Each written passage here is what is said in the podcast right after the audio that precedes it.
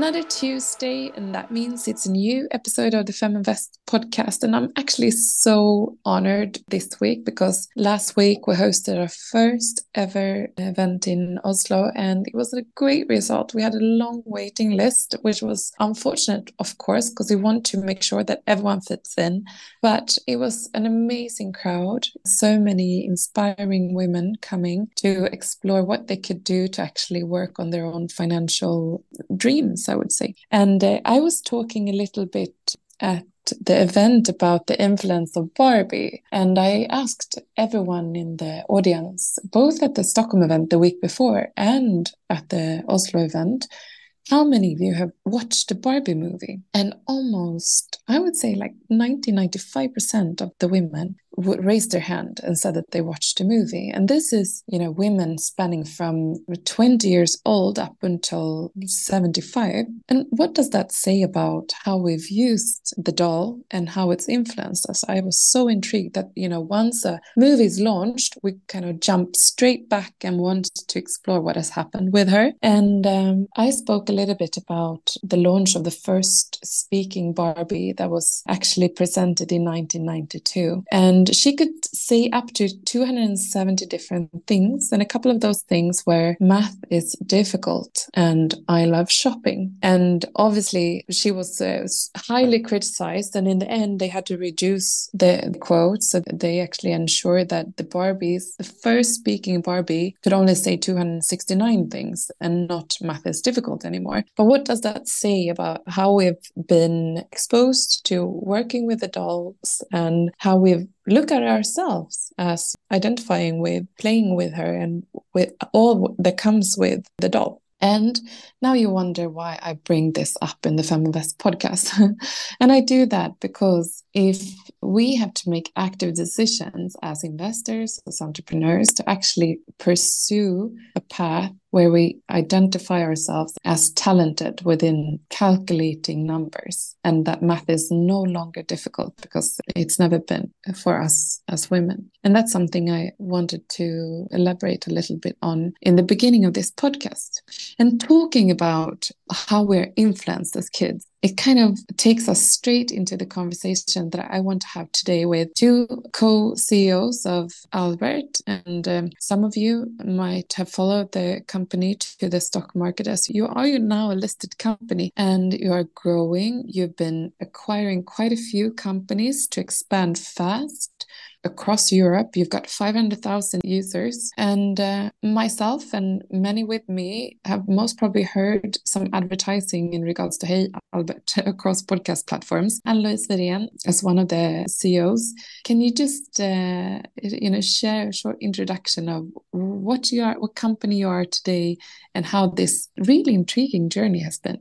Well, thank you so much, first of all, to have us. Well, Albert, today we are a leading European edtech company. We work towards a vision to give every child a custom learning experience, which of course sounds really, really nice, but it's so important, especially when you hear that Barbie story that I had never heard before, but so sad to hear that that's how Barbie talked. And we are Albert was founded a couple of years ago about from by two childhood friends with the idea that you know we really needs to need to improve learning for kids and make it more personalized by using technology. And then they set off on this journey and today we are we've gone from being a pure math math app to a one-stop shop for kids learning and that's what we're building. So Albert they have been acquiring companies and now you, as you say we are a group of companies all with a mission to to democratize learning through technology so that's where we are today and what we're building.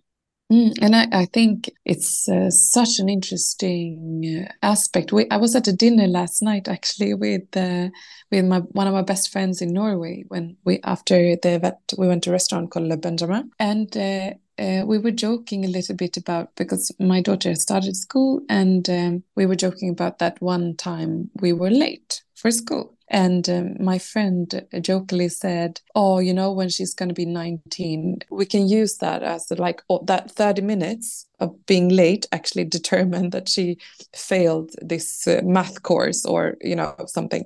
Uh, so I think it's it's so important to actually with to time and with the change that has happened that we actually focus on on educating our kids in ways that encourage them rather than you know, just push them to the old fashioned way. And I'm intrigued to hear a little bit about you, Jonas, and your background. Like, how did you end up in this space and what motivates you in this regard? Yeah. Hello, everyone, and thanks for having me here as well. I guess you can summarize me as an entrepreneur and business leader. Back in the days, I studied at something called Chalmers School of Entrepreneurship in Gothenburg, where I, I was actually in the same class as Art, Arta, who is one of the founders of Albert. But my first company that I founded was in, in electric vehicles back in 2008, which was really before the whole electric vehicle boom that started.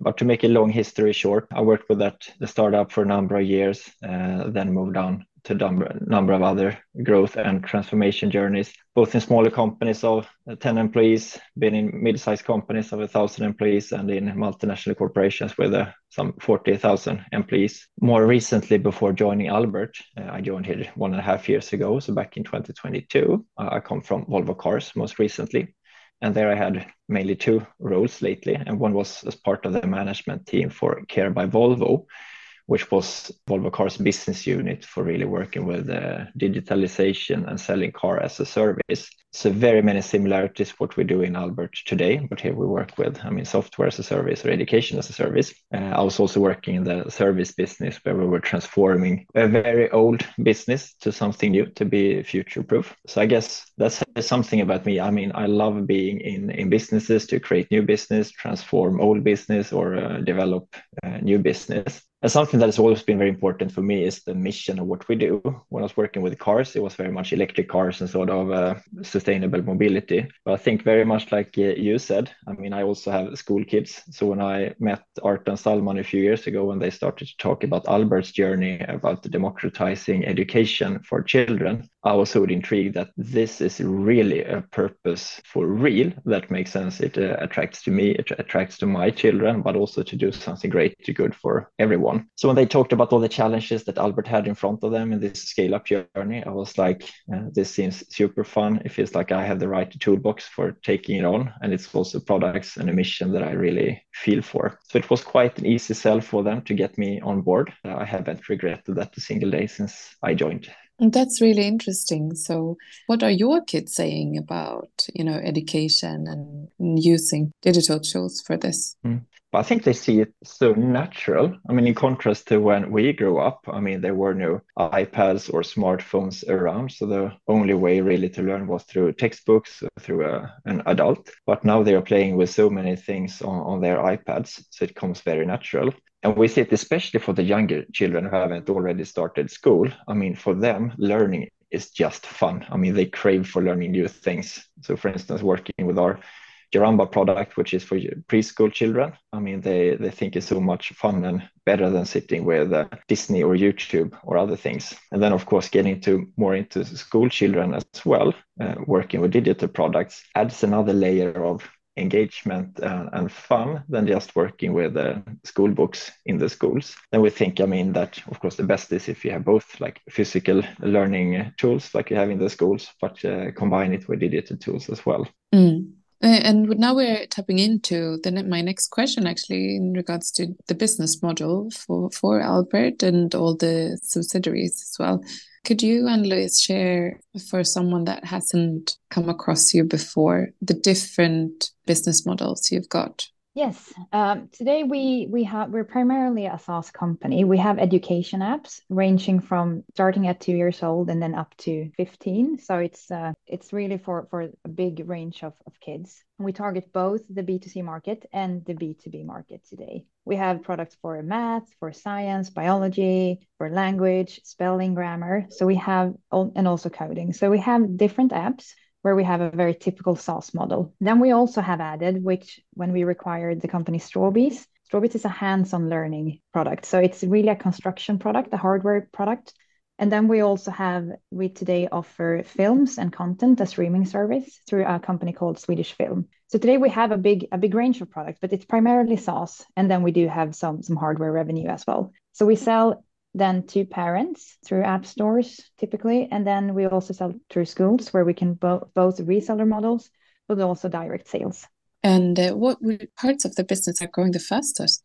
Well, I would say that today given that we have changed our strategy a bit, uh, we're focusing more on reaching profitability at the moment. This has led us to increase our focus on B2B, basically because of the dynamics of the different business. So today we have a revenue split of B2B and B2C being almost 50 50. And where the focus is today, it's a bit more on the B2B. That's where we do the investments. And that's also where we do see the revenue growth coming at the moment. It's mainly because the B2, B2C, it's more capital intense to grow. But on the other hand, it's also more scalable. So if we want to speed up our growth, it's definitely the B2C side where we do the investments. Would you say that this is a strategy based on on the current financial markets and that you know it's been previously you've been focusing on growing fast and aggressive in a way but now it's more focusing on profitability. Jonas is is that based on on the change in the market or something else? No but partly uh, affected by the changes in the market. I mean zooming out a little bit I mean, I will come back to your question very soon, but I guess zooming out, if we're going to have a real learning impact on children, we truly believe that we then we need to work with them in the schools together with the teacher and at home together with the parents or guardians. And therefore, we want this, I mean, digital ecosystem of products which fit both in schools and at home, and hopefully they are seamlessly connected. So, I mean, that is sort of the strategic reason for working both with B2B and B2C interlinked. But then, as you say, I mean, it definitely has uh, benefits also from like a financial perspective. That the B2B business working with schools, I mean, it's a really stable business. It takes some time to get into schools, but once you have got on the inside and the teachers have started to work, uh, use your products in their teaching, they typically reuse it year after year. So it becomes a very long-term partner and very stable revenues from them. Whereas B2C, as Louise said before, it's much more a way to grow rapidly and so on. But zooming out, I mean, I guess the benefit, yes, I mean, we are affected by the economic situation uh, for sure, but underlying it's quite stable since, I mean, education is something we need no matter if it's sort of the economy is going upwards or downwards both uh, governments want to invest in education in, in, both cases and also it seems like parents want to do it so for instance in the b2c business i mean we see that parents or loyal users that have been with us for a long time their behavior is the same now as it was two years ago before sort of the downturn started. And of course we do we do a lot of insights and surveys to try to understand i mean what would this be like in the future? And it feels like many households they see education a little bit like a gym card i mean if you use the gym card it's an easy thing to say i'm going to invest in my own health because it's so important for me. And it seems to be the same thing for an education product that if your children use the product and they learn something from it it's an easy thing to prioritize to do it.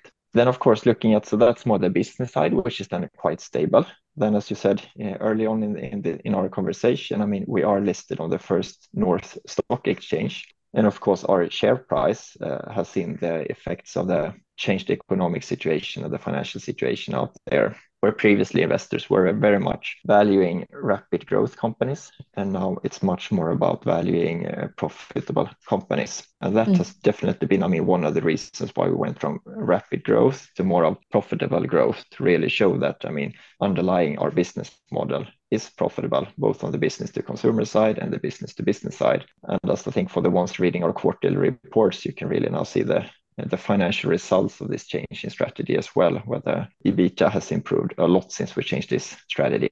You haven't been around for that long, though. You're quite a new company and you've been growing extremely fast. So that's really impressive.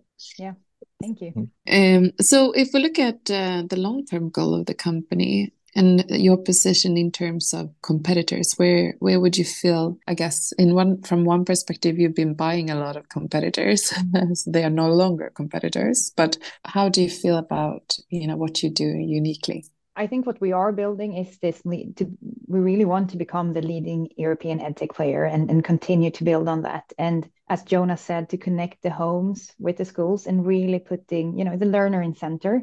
Sounds like a cliche maybe, but that's really what we believe in to build that. And that's what we are, we're I think we're very much heading that in that direction. And with the range of products we have already in the group and the markets we are covering, the segments, really gives us already now a quite unique position here in Europe that we can build from. And also looking at the products, many of them are globally scalable. Of course, we need to do some adjustments when we enter different markets, but it's really about language and in some cases curriculum. But we really have like a scalable business model with high quality products and a really nice product range. So that's what I, I would say make us really unique. Mm. Your acquisition strategy and your growth path, what has been the most challenging parts with that? Because one has acquisition strategies for various reasons, like acquiring platforms, customers, getting into markets, etc. But there, it's it's good and bad.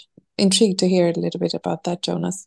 No, definitely. And I think starting just to build on what you said, I mean, uh, the reasons for doing the acquisitions are very much what you mentioned, like getting a good financial profile of the company with uh, balanced revenues from different different sources, B2B and B2C. It has also been for us to really get into the B2B or school sales market, since Albert comes from a consumer sales background. I mean, we've always been really strong to, as you said initially, to, I mean, consumer marketing on uh, digital platforms and podcasts and so on. And we have nailed that business model. But getting into schools, it takes a long time. It's about building relationships with uh, teachers and principals and the different uh, buyers in the schools. And here we concluded that it's actually better and faster for us to acquire that competence for us. So in other words, I mean, other companies who have established sales channels to schools and understand how the school business work. But it's also been, as you also mentioned, I mean, getting access to new markets. I mean, I mean in Europe, for instance, uh, the UK market is very strong in education products. They're investing a lot in it. So we wanted to be on the UK market. We were also looking to Central Europe and uh, France was a market which had a lot of potential, but not very many strong players in there. So there was room on the market. And we had been looking at the product Holy Owly for a long time and they had very good product and business metrics. It was a good opportunity for us to get both access to new product and a product segment and the French market by acquiring that company. But I guess you also mentioned challenges. I mean, obviously, there are some challenges sort of prior to the acquisition, and it's about finding the right acquisition targets. And for us, it has always started with like filling strategic gaps in the portfolio, like getting access to new market, a new uh, product segment, and so on. And once you know that, it's about, I mean, finding companies who are willing to sell and later also sell at the right price. So it's been a lot of scouting for leads, uh, taking contacts, uh, meeting other companies and their entrepreneurs or founders or owners and see if they're interested to sell. And often at the same time as you work on finding the acquisition targets, we need to talk with our investors and see do you want to be part of that acquisition strategy to buy those companies. So it's a lot of work before the actual acquisition takes place. Mm. But then uh, you have done the transaction, and then of course the, the hard work also starts with the integrations. And in our case, um, that's something Anne-Louise and I are bal- balancing very much. I mean, we want to find the right level of integration because we truly believe in this. There are so the companies we typically acquire, they are quite small. They are this. They have the entrepreneurship, team spirit, and culture, and the, that really, really, really nice drive. So we really want to ensure to preserve that team spirit and culture. Whereas, of course, we're interested in finding synergies both on the revenue side and sometimes on the cost side. So we're also very, very careful with how we integrate them. And as far as possible try to make it being quite organic, if I may call it so, that you realize that different people in the organization realize that, hey, if we start collaborating with each other, we will either sell more or we can, one plus one can be, become three in terms of resources and so on. Uh, so challenges before acquisition, after acquisition, I guess we can summarize it as. Mm, yeah, very interesting. Final question I have got is in regards to wellness for kids, and there are different aspects of that. You've uh, you have a collaboration with Nordic Wellness to encourage physical activities, which is uh, I think is interesting. So I would love to hear a little bit more about that. But then I also thought because uh, I, this morning I just read this article about you know kids and screen time, and you know how to ensure that the kids um, get to not be too affected by the negative side of using screens. So, uh, would love to hear your thoughts on what you want to do and also your reflections on this matter. The screen time debate is, is obviously a very it's very much alive and it's a hot topic. And being my a parent myself, I know that this is something I kind of struggle with every day, finding the balance. And I do think we have to separate screen time and screen time. And that's why I think our products it are really good to have. If you give your child the screen and you know that they are actually doing something that will help them develop and help them learn stuff, I do think that's that's the positive screen time that you can do and it's also in a controlled environment where you know that there won't be any interactions with your your child that you uh, that you are not in control of. So i definitely think you know we need to separate the positive screen time with could be negative screen time. But of course it's super important to also make sure that the kid is is not stuck in front of the screen regardless of it's like a positive or negative screen time. And therefore i think for us as a company to to do stuff like really promoting physical activities and all of that is really important. Mm. Yeah, that's brilliant. Uh, and I agree with you. And I'm I'm starting to think more and more like that actually personally myself too. That mm. like actually I don't think it's worth my, my kids are preschool and just started school, but uh, I think actually the educational apps are so entertaining now. So that's actually all you you need as a yeah. kid to use for when you use the screen. Yeah. I'm so grateful that I got to talk to you for a little bit. And uh, if you're interested in in learning more about Albert, of course, go to their website and you'll uh, you know dive into all the financial reports. One question uh, as well. I know that different quarters deliver different results. So, like you could see that, for example, the Q1 and Q3 report are stronger than the Q2, Q4. Is that based on like when your B2B, like the schools are buying the tool, so to say? Yes, it, it does follow that. So it's it's a it's a buying pattern that we see seasonality. It's B2B, but it's also a a B2C. We also see a, some seasonality with the B, B2C sales actually. Mm. So when school starts, parents or caretakers actually buy the tool to a greater extent. I guess you say a combination of that. So take, for example, in quarter three now, I mean, we see typically the strongest sales period is actually right before the children start school. So in mm. from like midsummer until August, because parents seem to want to get give their kids a flying start on school. So when the sort of their brains have been shutting down during summer, it's the perfect thing to, to gear up and be ready for the school start. And that seems to be very much the behavior in Sweden. Uh, looking at, for instance, uh, the UK and France, uh, the consumer market, then it's much more when the kids have started school. So there is definitely that connection. Uh, but then I can also add, I mean, it is a, a marketing question as well. Uh, typically, in or if I turn it turn it around around uh, Christmas time and so on, it's very expensive with digital marketing. so it's much more competition for the airtime out there. And in, there, in order then to have more effective marketing campaigns, we rather have them in quarter one when it's cheaper to buy marketing or in uh, quarter three when it's also cheaper. So I guess it's both a demand for the products as such, but also a marketing strategy question. Mm, interesting. Thank you so much for being part of the Feminvest podcast and look forward to follow you both in the in the new venture you have to share together, which is exciting, I can imagine, to actually have a, a partner in crime. Yeah, it's great. We are uh, just uh, uh, jumping into the next part of our podcast, which is always a female founder. And this week we've got an interview with the founder of Animal O. And it's a, a scientific uh, use case or digital platform where you work on conserving uh, wild species and also a more sustainable way of breeding, a tech solution for animal lovers. So over to you, Saba.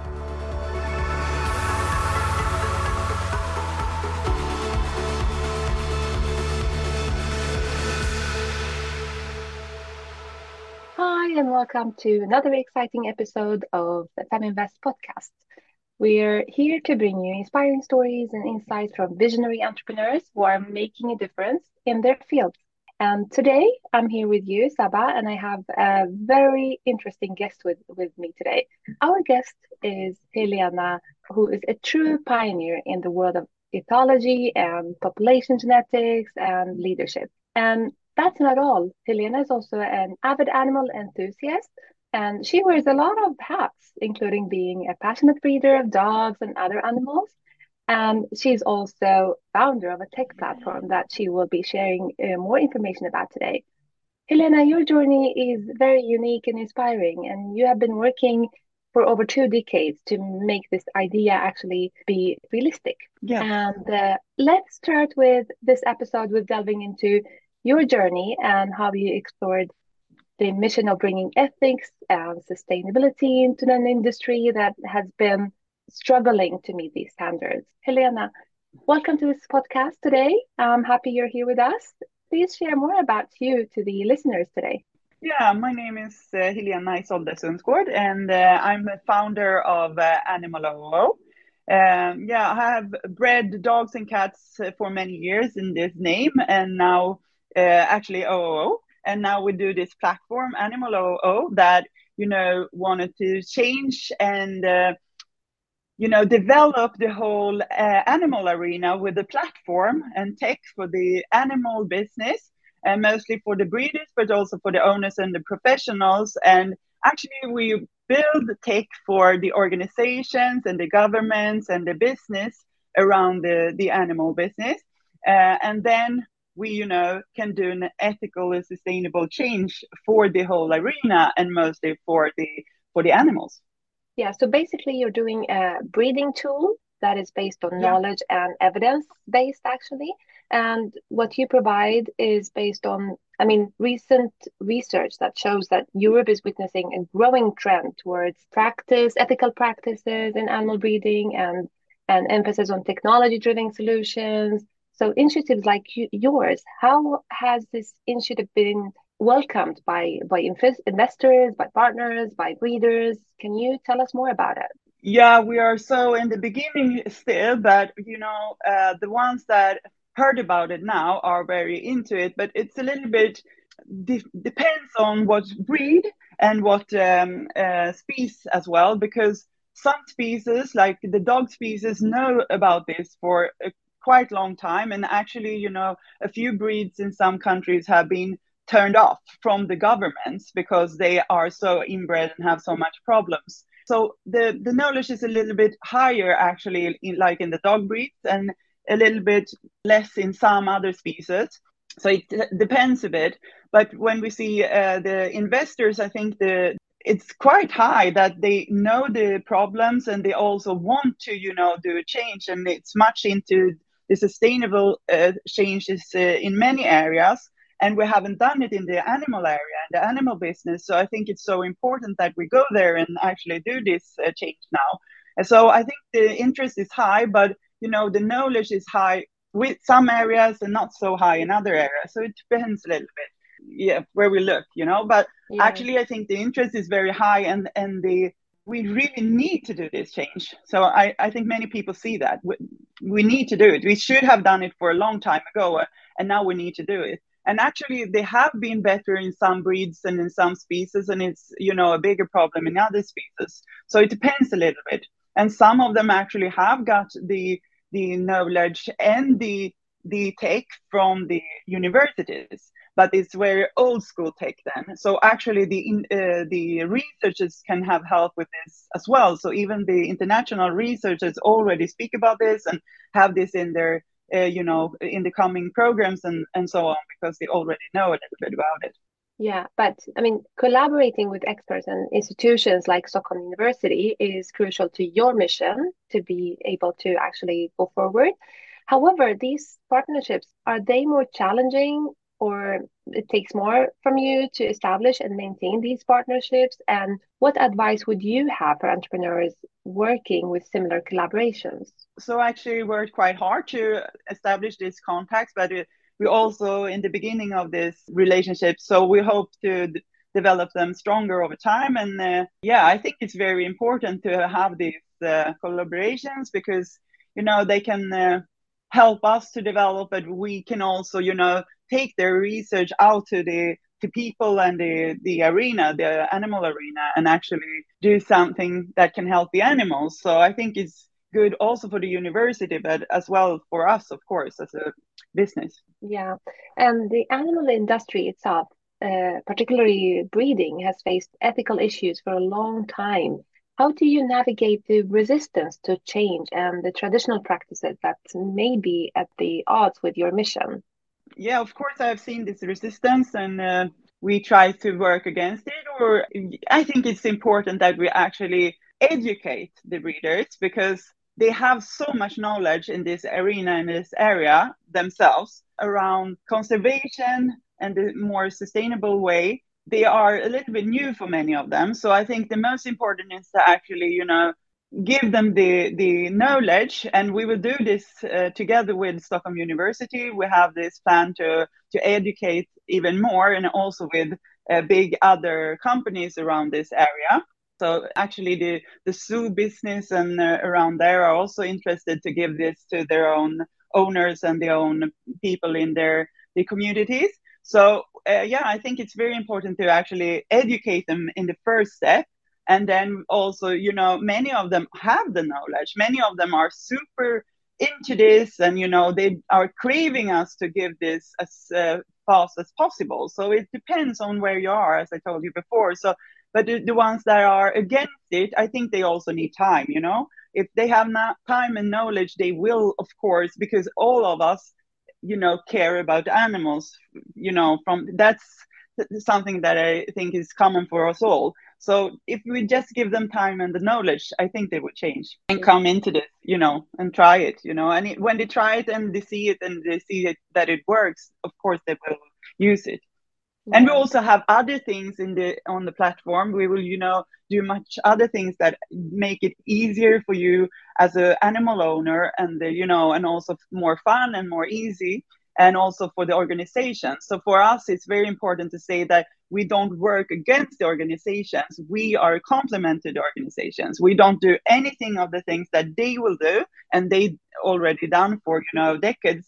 Uh, we instead help them just with these tech solutions and when we do the tech solutions, we also want, you know, to bring this ethical and sustainable thinking and uh, get this knowledge in everything that we do. It's also around other arenas than the breeding, you know, it's also about how you cooperate to each other, how handle the animals, how they, you know, how they are built and everything around that. So the sustainable way is in everything that we do. It's not just in the breeding. It's breeding is one very important part, and it's also like the brain or the heart of our business because we think this is so important. It's like the main thing in the you know the whole animal arena. If you are good bred it's easier for you to have a good life. But then when you're already you know in this world as an animal we, we need to you know still focus on them in a good way. You train them in a good way, behave in a good way, you know, to each other and to the animals. So for us, this is an ethical, you know, change in many arenas and in many ways. And if we just tap into the funding part uh, when it comes yeah. to Animal OOO, you have received funding primarily from women, which is fantastic. Actually, just from women.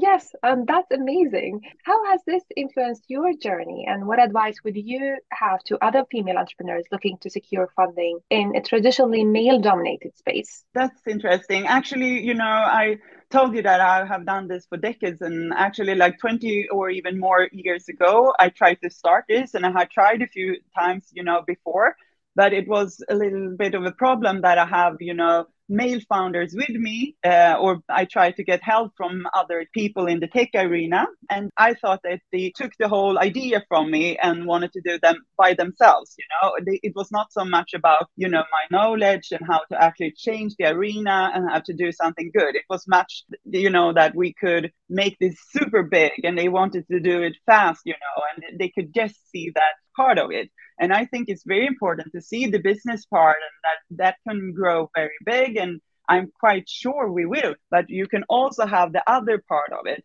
So when I tried to change it and I instead tried to find females in the invest sector and uh, also females that have been my mentors, everything changed. You know, they opened doors for me. Everything opened up in another, you know, totally another way. So that's why I started to build it because before it was like I walked into, you know, a wall again and again. Uh, I tried maybe four or five times before, you know. And now this time I have this uh, female mentor, Maria Grimaldi and Sara Ehrman and Anna Norrevik. It's tech girls that also, you know, are into the animal business and have been for more or less their whole lives. So yeah. yeah, they opened the doors, and you know they have been in the board, and uh, you know, and then I also found more and more female investors, and yeah, it wasn't something that I you know decided to do. It was something that came over time because it, the doors didn't open before; they were you know shut before me instead. You know, they shut the doors in front of me instead of open them, and it was not about you know how can we do a good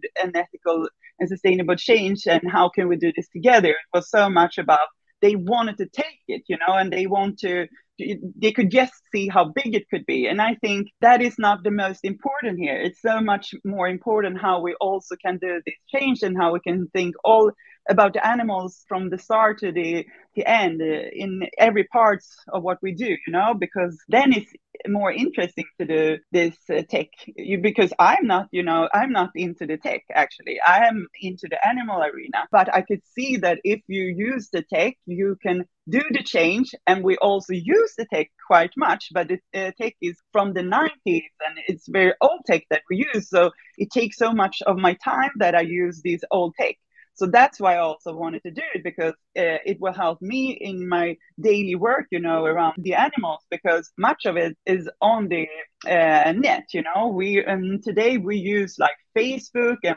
we use old platforms that you know is not in time you know and i want to do it easier for us all to you know have animals and we need to you know have so many dates in your head because you know all the vaccinations when the animal will get birth and everything like that and all the competition. It's so much around the arena and you know today i use a normal calendar and count like 63 days when my dog would get birth. It's eh, crazy when we can do it in, in a program and we can use it for all breeders. So for me, it's, you know, both that we could make it more easy for us, all the breeders and the animal owners and the professionals in this arena, but it's also about, you know, how the animals can get it better because we care about them but many things are like they used to be not because it's the best for the animals it's because we just do it you know it's the history.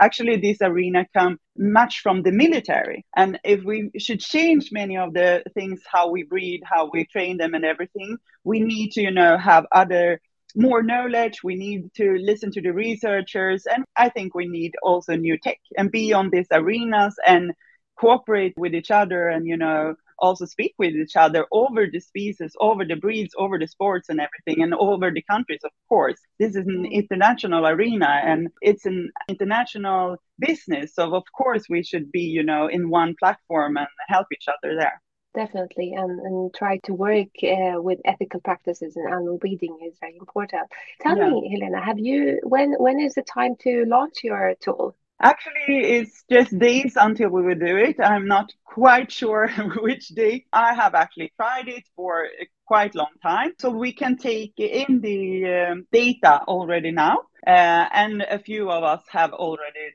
tested it. So we will test it soon.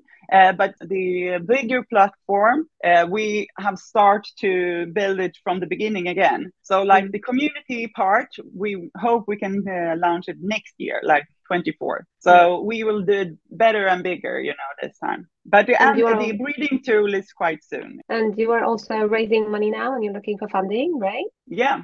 And Helena, we're coming to the end of this episode. It's very interesting to hear your journey and your passion about animals and this data driven technology that you're actually working with and trying to change the landscape for breeders, for animal owners, and for the whole arena when it comes to animals in different species.